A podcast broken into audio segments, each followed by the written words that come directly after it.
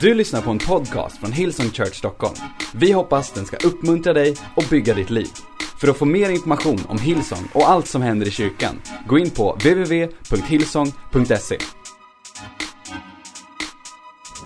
Well, jag ska prata med er idag om någonting som jag hoppas kan hjälpa er inför året som ligger framför. Ehm, det är nytt år och jag ska bespara er alla, alla nyårslöften eh, som jag har gjort. Jag har faktiskt inte gjort ett enda. Ehm, det enda jag vet är att så här i januari brukar det vara trångt på gymmet, men det brukar lösa sig fram i februari. Då är allt som vanligt igen för alla oss som är där nästan varje dag. Eh, men eh, nytt år och många människor vill göra nya förändringar och ändra på saker och ting i sitt liv. och Man ska göra det, man ska göra det och det är bra. Mål är suveränt. Att bestämma sig för att göra förändringar är suveränt. Men grejen är så mycket av vårt liv kommer ändå komma ner till två saker. Vårt perspektiv och vår attityd. Du förstår att om vårt perspektiv inte är rätt, så kommer vi ändå missa det som är runt omkring oss. Om vår attityd inte är rätt, så kommer vi missa det som borde finnas, eller det som är på insidan. Så många av oss, vi, vi, vi, vi, vi, kanske inte ser allt som finns i våra liv. Vi missar så mycket Gud har för oss, därför att vi har fel perspektiv. Och en del av oss vi kanske har blivit så uppfångade i oss själva, så vi missar det faktum att det finns så mycket mer i livet än det vi ser. Det finns så mycket mer runt omkring oss, ändå så är det som att vi har skygglappar på våra ögon. Om jag skulle vara här, en del av oss, vi lever våra liv så här. Vi är så nära, så vi ser inte allt som finns runt omkring och allt vi ser är det vi själva har och våra egna utmaningar. Men om vi skulle ta ett annat perspektiv, så skulle vi inse att det finns så mycket mer runt omkring av livet att se. Perspektiv och attityd. Bibeln säger som en människa tänker i sitt hjärta, så är hon. Alltså så som vårt hjärta är, så som vår attityd, så som vårt perspektiv är, så är vi. Vårt liv blir det vi ser. Det finns en berättelse i, eller finns tre berättelser i Lukas kapitel 15. Jag tänkte tjuvstarta Sunday Night Bible School eh, här idag med att studera eh, en del av Lukas 15. Det finns tre berättelser i Lukas 15. Den ena handlar om den förlorade sonen, den andra handlar om den förlorade fåret och den tredje om det förlorade myntet. Inte i den ordningen, men de tre berättelserna. Hela Lukas kapitel 15 handlar om att någonting som troddes vara förlorat var så viktigt för Gud att han hittade det. Och det är en berättelse för oss att även hur förlorat saker och ting än kan se ut, så är det aldrig förlorat för Gud. Det var en pappa som hade två söner. Många av er har hört berättelser om den förlorade sonen. Jag ska predika på lite annorlunda sätt här de närmsta två och en halv timmen. Joke, man får predika kortare än någonsin. Så om det är lite intensivt idag så är det för att eh, jag vet att ni inte vill sitta hela dagen framför tvn, men vad du gör, eh, sappa inte just nu. Så pappan har två söner. Den yngsta sonen säger, hej, ge mig mitt arv. Jag vill ut och leva rövare, leva loppan som man sa förr. Han vill ut i, och han vill festa, han vill ha kompisar. Han har ett perspektiv av att han vill ha vinning nu. Han tänker inte långsiktigt, hans perspektiv är inte long term. Han tänker inte konsekvens, han tänker inte om jag gör så så händer det. Han tänker bara, pappa har massa pengar, hälften av dem ska jag ärva. Ge mig pengarna nu så kan jag ha kul nu. Han får ut sin del av arvet, han säljer det, tar pengarna och han festar upp det på nolltid. Så står det så här i Lukas kapitel 15, vers 11. Jesus sa, en man hade två söner. Den yngre sa till sin far, ge mig min del av arvet nu. Och han gick med på att dela sin egendom mellan sönerna. Några dagar senare hade den yngre sonen sålt allt han ägde och gav sig iväg till ett främmande land. Där levde han ett vilt liv och gjorde snart slut på alla sina pengar. Men han hade gjort av med allt, drabbade en svår hungersnöd landet och han var snart i nöd. Han bad då en lantbrukare att anställa honom och mannen skickar ut honom att vakta svin. Han längtar efter att få äta sig mätt på svinens fröskidor. Men ingen gav honom något. Så han tänker, hej, hans perspektiv är om jag får mina pengar nu, då kan jag ha det gött i livet.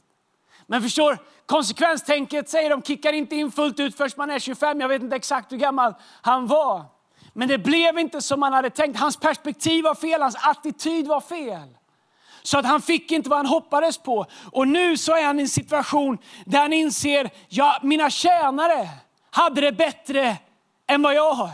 Är det inte märkligt hur ibland resultatet av våra handlingar får oss att ändra våra perspektiv?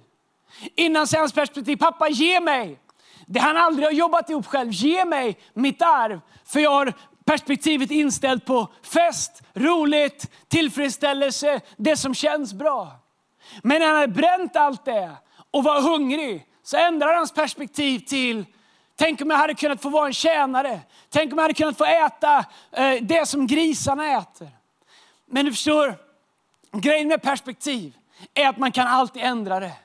Grejen med en attityd det är att man kan alltid ändra den. Och jag undrar om det inte är så att de två viktigaste sakerna som vi behöver förändra, om vi vill se någonting 2021 som vi inte har sett tidigare, är vårt perspektiv och vår attityd. Låt mig ge dig tre uh, tankar från den här texten om de här tre personerna. Den förlorade sonen, eller lillebror, storebror och pappan, fadern. Om den förlorade sonen så står det i Lukas 15 kapitel 17 så här. Då insåg han sin situation och sa till sig själv, hemma hos min far har de anställda mat i överflöd. Och här håller jag på att svälta ihjäl. Jag går hem till min far och säger, far jag har syndat mot himlen och mot dig. Jag är inte värd att kallas din son längre. Men låt mig åtminstone få arbeta som en av dina tjänare. Så gick han tillbaka hem till sin far. Sen när han lämnar så säger han, ge mig vad jag vill ha. Men när han befinner sig på botten av sin tillvaro så ändras hans perspektiv. Och det är som att han inser, jag behöver en ny start. Hans perspektiv blir, jag behöver en ny start. Så han får ett annat perspektiv. Han inser, jag måste göra något annorlunda. Vet du, ibland så hamnar vi i livet där vi faktiskt måste inse, jag behöver en ny start. Jag, jag kan inte repetera det här längre.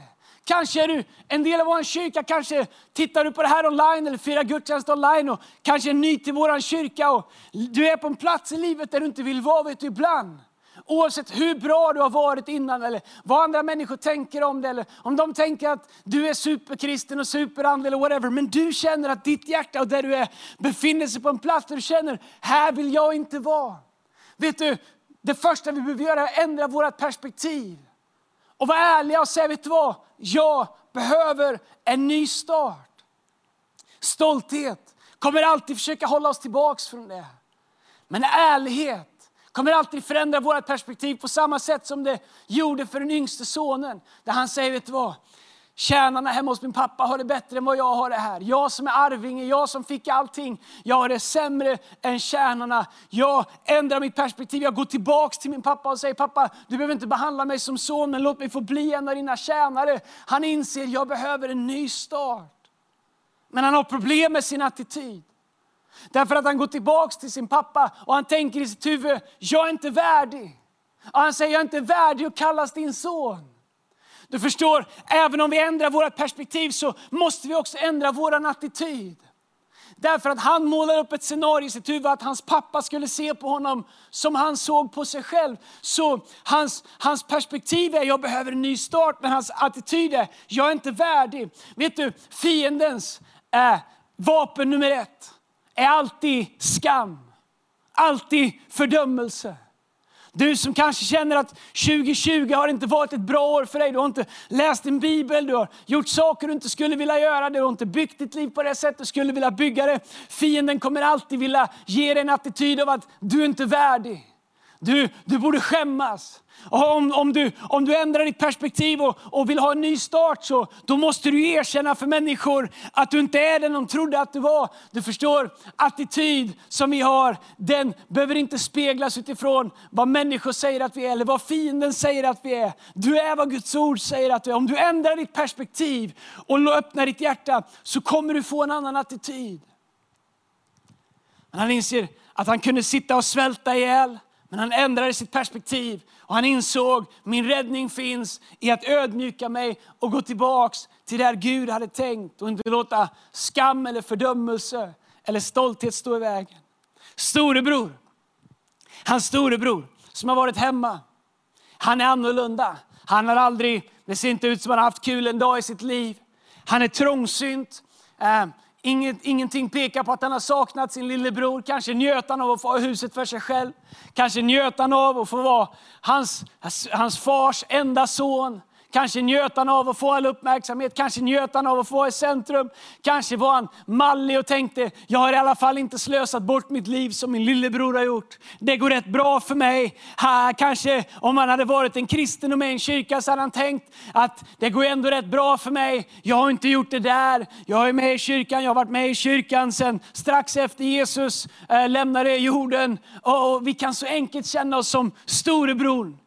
Tänk att jag har inte gjort något förfärligt. Jag har inte gjort något dumt. Jag har inte slösat pengarna. Jag har gjort allting som verkar rätt. Men du förstår, Gud, han är inte så imponerad eller intresserad av hur vi har lyckats ordna vårt yttre. Gud är intresserad av våra hjärtan.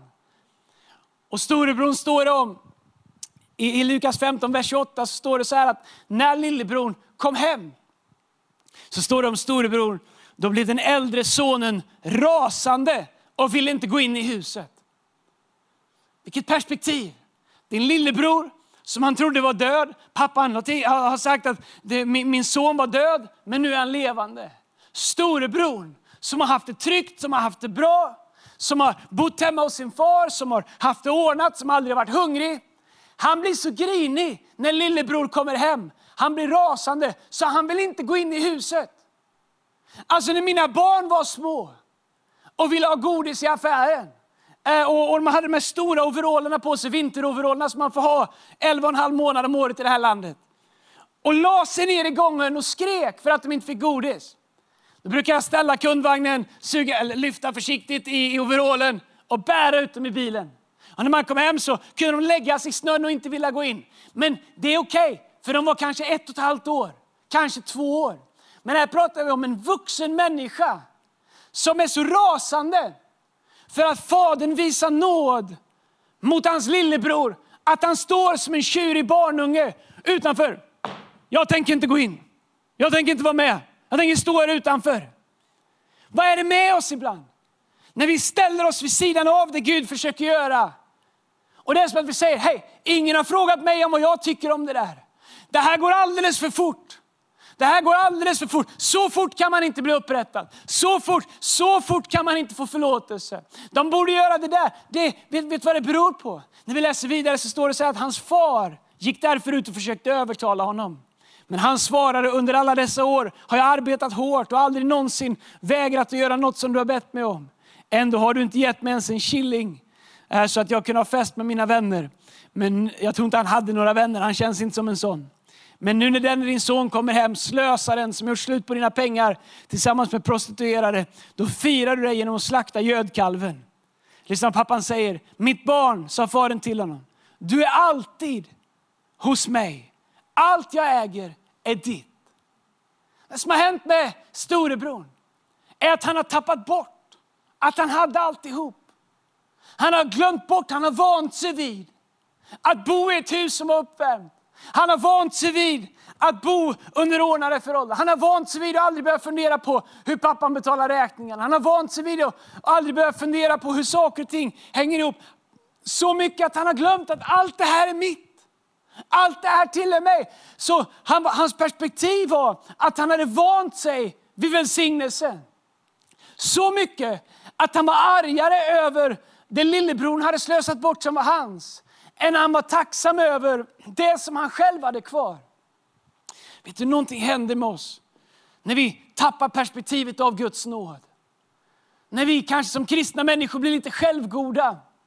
När vi tycker att jag har minsann varit med länge. Jag har varit i team länge. Jag har sjungit i kören länge. Jag var med där. Jag var med redan på den tiden och målade i huset. Jag var med redan på den tiden 1976 eller vilket år det var. Jag har minsann gjort och här kommer någon nyfrälst och nu sitter de en rad framför mig i kyrkan. Hur har det här gått till? Det är storebrorsmentalitet. Där vi låter rättigheter och missgynnsamhet och uh, saker ta över oss istället för tacksamhet över vad Gud gör i människors liv. Och jag drabbas av det och du drabbas av det. Men det bygger på att vi glömmer vad Gud har gjort för oss. Vårt vittnesbörd kanske inte är så dramatiskt som någon annan som vi ser. Så tänker vi att vad har väl jag fått? Så kan vi få en attityd om vi inte passar oss som storebror hade till sin lillebror. Han säger, det går för lätt. Storebror hade nog inte haft några problem om pappan hade sagt okej okay, du får börja bo ett år i, eh, första året i svinhuset. Andra året får du bo i laggården. Om du jobbar bra tredje året så kan du få bo i, i, i ett rum långt bort i vårt hus så vi slipper se dig. Storebror tyckte nog att det hade varit rimligt. Han måste verkligen få lida, han måste visa att han är annorlunda nu. Han måste verkligen bekänna färg. Medan fadern, han bara omfamnade honom och sa, välkommen hem. Varför? Därför att det var hans son som kom hem. Storebror, han såg ett misslyckande som kom tillbaks, som han tyckte att han hade rätt att definiera över hur hans upprättelse skulle gå till. Men pappan, han hade redan förlåtit honom innan han kom hem. Så du måste förstå hur Gud är. För alldeles för många människor har en gudsbild som liknar storebrorns. Hårda, debatterar, missundsamma. Jag kan, jag har minsann gjort och ingen ska säga till mig. Och men Gud har kallat oss att ha hjärtan som är som Fadern. Pappan i det här är en bild av Gud. Och, och Fadern han omfamnar sonen och säger, hej, jag vet vad du har gjort och det jag inte vet det bryr jag mig inte om. Du är välkommen hem. Du var min son när du gick vilse och du är min son när du kommer hem. Och jag vill säga det till någon som behöver höra det idag. Du som känner att du kanske har gått lite vilse. Hey, du är inte ett misslyckande, du är fortfarande en son. Du är fortfarande en dotter. Gud var din far när du börjar drifta och Gud kommer vara din far när du bestämmer dig för att ändra ditt perspektiv och ändra din attityd och säga, vet du vad, jag behöver vända hem. Tack gode Gud att vår kyrka är en kyrka fullt av fädrar och mödrar med ett perspektiv av Fadern som säger välkommen hem. Storebrödsattityder, det vill vi inte ha någonting av. Vi vill ha Faderns attityd som välkomnar hem. Jag vill inte lägga mig i vad Gud vill göra andra människors liv. Gud behöver inte min åsikt, Gud behöver inte mitt dömande, Gud behöver inte att jag ska tala om vad som är rimligt för honom att göra eller inte. Gud är en Gud full av barmhärtighet, full av nåd. Jag vill säga det till dig, du som tycker att 2020 inte var det året du skulle vilja. Det här kan vara ett annat år. Därför att Gud är en god Gud. Gud är en god far. Och om vi ändrar vårt perspektiv så att vi börjar se det Gud ser. Och om vi ändrar vår attityd och bestämmer oss för att gå till Gud. Och om vi som är i huset bestämmer oss för att inte vänja oss vid välsignelsen. Kanske är det någon som hör min röst. Du behöver påminna dig själv om allt som Gud har gjort dig. Jag tänker att vi är här idag och spelar in i, i norra, våra norra campus. I veckan så, så ska vi vara i Göteborg och spela in. Och jag tänker varje gång jag går in i en av våra byggnader, tack gode Gud för trä och sten och hus som Gud har gett oss. Låt oss aldrig vänja oss vid det. Låt oss aldrig ta det för givet.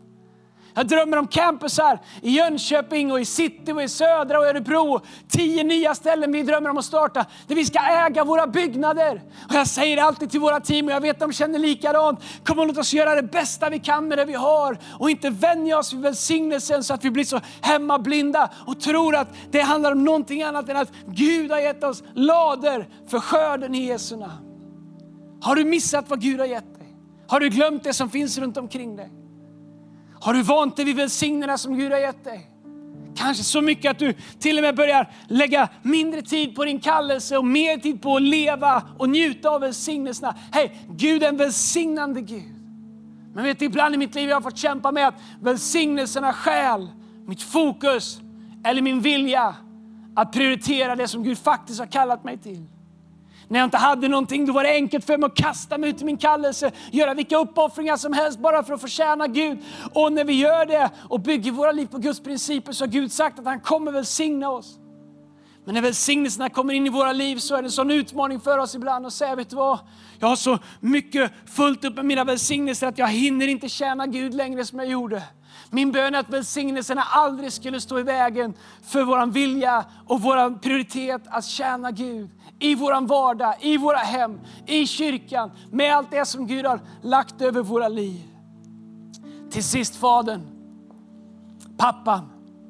Det står om honom i Lukas kapitel 15, vers 20. Medan sonen fortfarande var långt borta såg hans far honom och han fylldes av medlidande. Jag älskar det. Han sprang emot sin son. Han sprang inte emot han som hade misslyckats. Han sprang inte emot han som hade eh, valt fel. Han sprang inte emot han som hade fattat fel beslut. Han sprang emot sin son. Han kramade honom och kysste honom. Sonen sa, far, jag har syndat mot himlen och mot dig, jag är inte värd att kallas din son.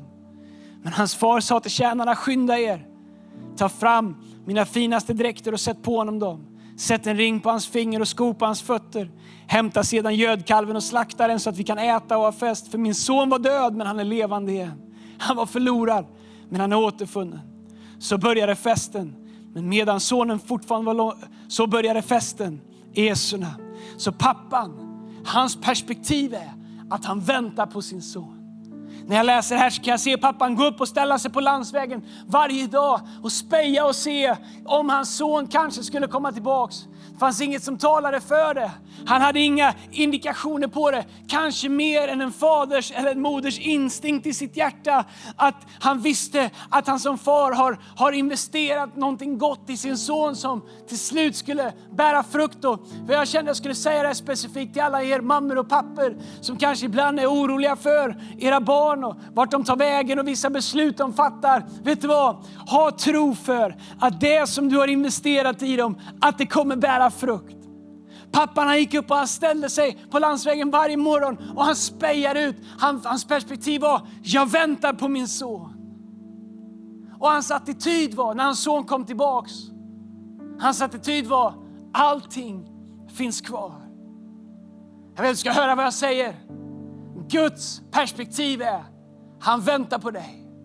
Hans famn är öppen för dig. Du som känner att du behöver en ny start med Gud. Kanske du som tänker, jag är inte en sån som behöver en ny start. Kanske är det just ditt hjärta som den helige Ande drar i idag. Kanske är det du som skulle få en ny start med Gud. Du som kanske ingen skulle tro behöver en ny start med Gud. Kanske du, även du som känner att jag har sabbat det så mycket att jag har bara skam kvar, jag har bara fördömelse kvar, jag har bara misslyckande kvar. Hej, Gud väntar inte på ett misslyckande, han väntar på sin son. Han väntar fortfarande på sin dotter. Det är vem du är i hans ögon. Och hans attityd är att allting finns kvar. Pappan bestämde sig innan sonen hade kommit hem. Vet att förlåtelse och generositet, det är ett beslut. Bitterhet och oförlåtelse, det är också ett beslut. Du och jag, vi kan välja vad vi ska leva i. Vi kan se på vårt liv, vi kan välja ett perspektiv av, av generositet. Vi kan välja en attityd av av att vara storsinta. Vi kan välja en attityd av förlåtelse. Men vi kan också välja ett perspektiv av bitterhet. En attityd av oförlåtelse. Det är ingenting som drabbar oss, det är någonting som vi väljer. Vi måste välja vår attityd. Fienden säger skam, fördömelse, misslyckande, göm så ingen ser hur det egentligen är. Gud säger kom hem, var ärlig, ändra ditt perspektiv ska du få upptäcka att min famn är öppen. Jag avsluta med ett bibelord som jag älskar, som jag läser inför varje nytt år och har gjort i många år ifrån femte Mosebok kapitel 30, vers 19. Så står det så här. Jag tar himmel och jord till vittnen på att jag idag har låtit dig välja mellan liv och död, välsignelse och förbannelse. Välj livet så att du och dina efterkommande får leva. Gud säger, jag låter dig välja liv eller död, välsignelse eller förbannelse. Så säger han, välj livet. Gud är ingen Gud som tvingar sig på oss. Men Gud är en Gud som har gett oss makt i livet.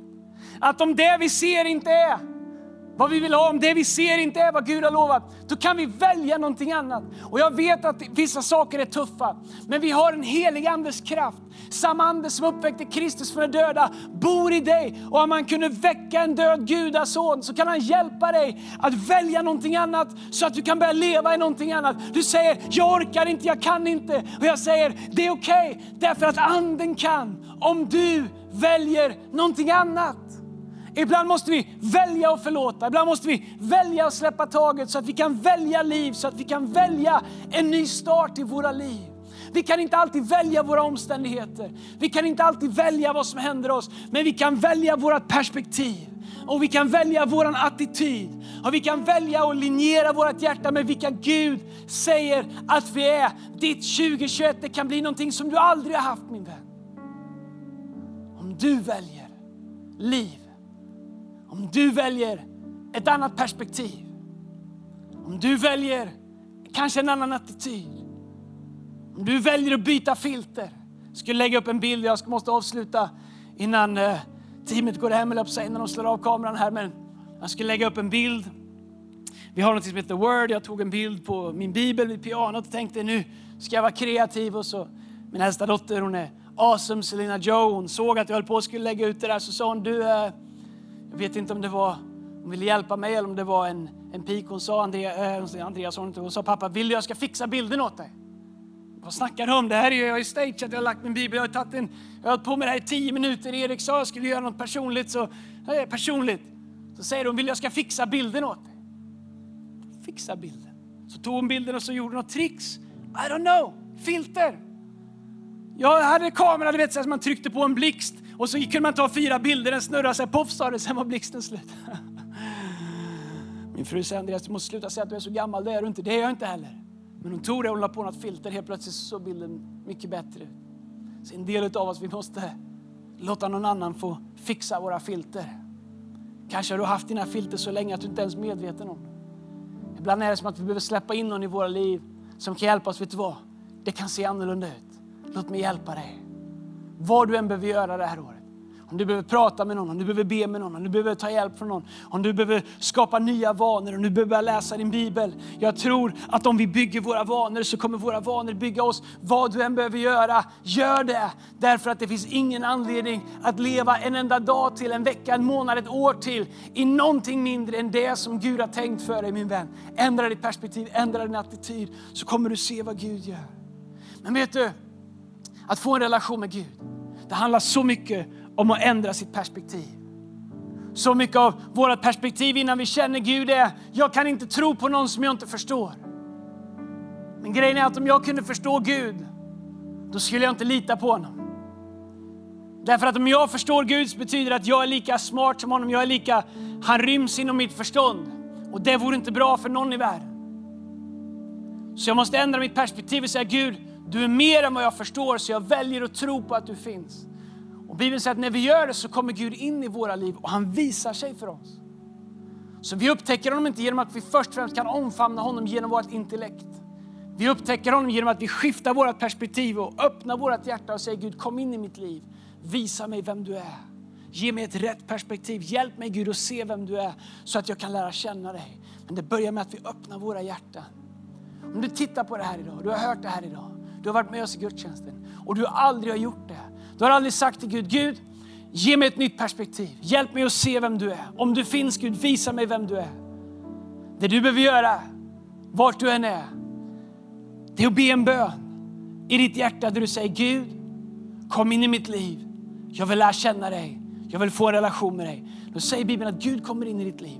Han förlåter dig alla fel du någonsin har gjort. Han ger dig en ny start och han skiftar ditt perspektiv så att du kan se vad meningen med ditt liv är. Han hjälper dig att glömma det du har dratt på. Han hjälper dig att komma och släppa taget om det som har varit och se någonting nytt i ditt liv. Om du aldrig upplevt det, då är det min bön att du skulle få göra det. Jag ska be en bön. Om du för första gången vill få en egen relation med Gud, då vill jag att du ber den här bönen tillsammans med mig. Men vet du, du som känner, vet vad, jag behöver en ny start med Gud. Kanske har du inte varit ute i sus och dus, kanske vet inte ens om någon om att du behöver en ny start i ditt hjärta. Kanske ser du ut på ytan, kanske är du en ledare i vår kyrka, kanske är det ingen som tänker det om dig, men du känner idag, vet du vad? Du kan lura hela världen, men du kan aldrig lura ditt hjärta. Idag så står din far med öppna armar, Gud själv. Och han säger, min son, min dotter, kom hem. Allting finns kvar. Om du behöver en ny start med Gud, Be den här bönen du också. Allihopa, vart du än är, be den här bönen efter mig. Tack Jesus för att du älskar mig. Jag öppnar mitt hjärta och jag tar emot din kärlek. Tack för att du förlåter mig min synd och ger mig nytt liv. Tack att från och med idag så är jag din och du är min. Tack Jesus att ingenting kan skilja mig ifrån din kärlek. I Jesu namn vi ber. Allihopa sa Amen, Amen, Amen. Du har lyssnat till en podcast från Hillsong Church Stockholm. Om du vill veta mer om vår kyrka eller om våra söndagsmöten, surfa in på www.hillsong.se.